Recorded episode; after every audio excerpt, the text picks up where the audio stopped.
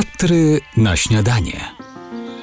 W wysokich partiach Tatr panują już warunki zimowe, ze śniegiem i oblodzonymi szlakami, ale w dolinach jesień próbuje jeszcze się bronić. By poczuć jeszcze te jesienne klimaty, zapraszam na wycieczkę do wąwozu Kraków. Dolina Kościeliska jest jedną z najchętniej odwiedzanych po polskiej stronie Tatr.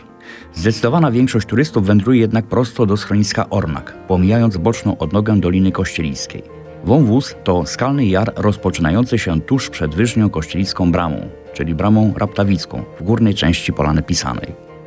Wąwóz ma łączną długość około 1,5 km i biegnie aż po kamienne Tomanowe w zachodnich zboczach Ciemniaka, gdzie na wysokości około 1350 metrów nad poziomem morza rozpłaszcza się i zatraca. Tamta część nie jest jednak dostępna dla turystów. Udostępniony odcinek możemy pokonać przechodząc także przez Smoczą Jamę, zupełnie inną niż ta, w której mieszkał Smok Wawelski. W najpiękniejsze polskie góry zaprasza Albin Marciniak z klubu podróżników Śródziemie. Aby przejść przez jaskinię, musimy najpierw pokonać stalową drabinkę prowadzącą z dna wąwozu do otworu jaskini, a następnie już wewnątrz przy pomocy zamontowanych łańcuchów pokonujemy dosyć strome podejście. Otwór wyjściowej jaskini znajduje się już w lesie powyżej, a na trawiaste zbocza polany pisanej prowadzi leśna ścieżka.